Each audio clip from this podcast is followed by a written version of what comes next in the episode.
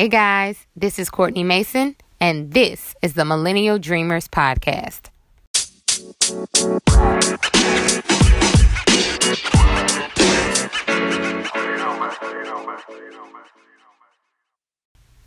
Hola, mi amiga. I hope you are doing well wherever you are in the world listening to this podcast. I hope you had a fantastic weekend and you're ready for the week ahead. But if for some reason you are not, I am sending an abundance of love, light, and positivity your way. So, without further ado, and with that said, let's just go ahead and get into this week's episode of the podcast. Now, this is one that I pre recorded when I first started the podcast. I wrote out a number of topics that I wanted to discuss, and I did very short and truncated versions of those topics um, just to have um, a number of recordings stored up. And so when I went back into the archive and I listened to some of the recordings, I said, This is a good one.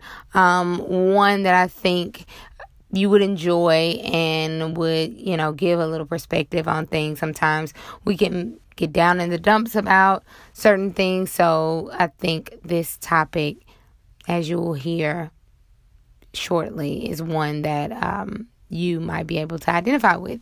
And so let me know what you think. So, with that said, let's get into it.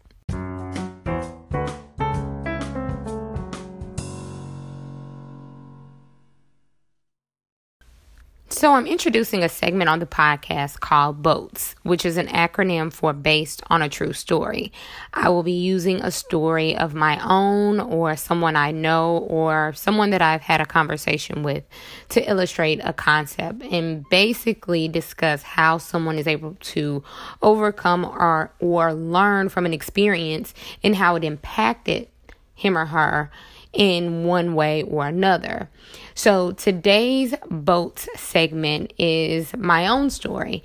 And basically, I want to talk about how failure was one of my biggest blessings. So if you are unfamiliar with me or you're new to the podcast, which everyone's pretty new to the podcast because it's new, um, I am a former professional dancer. I started dancing very young but it was almost by happenstance. When I was in elementary school, I did some dancing, but when I got to junior high, I was a part of the cheerleading squad. And it's really because I was following in the footsteps of my sister, who's really my cousin, um, but my sister Janet. She was a member of the cheerleading squad in junior high. And when I had an opportunity uh, to audition, I said, Hey, I'm going to follow what she's doing. So I made the team. Now, I wasn't particularly excited about cheerleading. It was like, okay, it's it's a fun thing to do. Um, you know, it's seems like a popular thing to do. There were a lot of popular girls that were a part of the cheerleading team. So I said, you know, hey, as a kid, you want to be with the in crowd. So I decided to do that. I auditioned and I made the cheerleading team in junior high. Well, when I got to high school, I my friends that were on the team with me previously all decided, hey, we're gonna audition for the freshman team for high school. I said, eh, I'm not that excited about cheerleading. It's not anything that I just love doing, but hey, I'm gonna go along with my friends. We were on a team together. I'll audition as well. Well, I was literally probably the only person from my junior high team that did not make the freshman squad. And at the time, I was devastated, even though I didn't want to be a cheerleader. I was indifferent about it. But I wanted to be a part of, you know, the crowd of friends that I had. So I was pretty much devastated.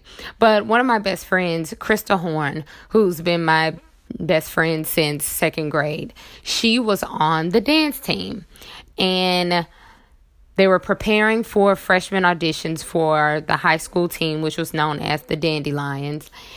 And she basically said, Hey, you know, it's, I know you're upset about not making the cheerleading team, but we have auditions coming up for the Dandelions. Why don't you just try out with us? You know, there's plenty of your other friends who are dancing instead of cheerleading. So I decided to go after it. I made the team. Probably the best thing that has happened because from that moment on, I realized how much I love dance. Now, before I was indifferent to cheerleading, I didn't care. I was just doing it to be, you know, follow along my sister cousin and then also to just be popular. But when I did join the dance team, it was like a different world it opened up. It was a way for me to express myself.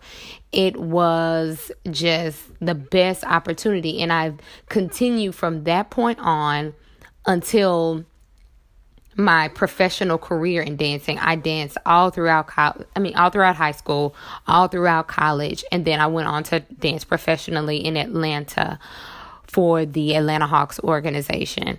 And so I just say that to say to anyone who's experienced failure, you may have some disappointments that occur in your life. There may be a moment when you don't get something that you thought you really wanted. But that failure, air quotes, can be the thing to lead you to what you're really meant to do. Had I not failed at cheerleading, had I not made the team, you know, I wouldn't I may not have had this business that I have now that's focused on dance that is you know, centered around teaching young girls dance at an early age and providing them with books that illustrate dance and give them images to see little girls of color that love dance just as much as them. All of those things may not have come up had I made the team and went about and continued to cheerlead, you know, be on the cheerleading team for all four years of high school. I wouldn't have been happy about it because like I said, I didn't like it. So I didn't like cheerleading. So I just say that to say failure can be a blessing. It was one of my biggest blessings, and I'm so grateful that I had that opportunity because looking back on it now, many, many years later, I can see why why it made the difference. So that is today's boats segment. Tell me about a time in your life where you failed and it, it just kind of parlayed into one of the best things that happened to you. I want to hear your stories. Thanks.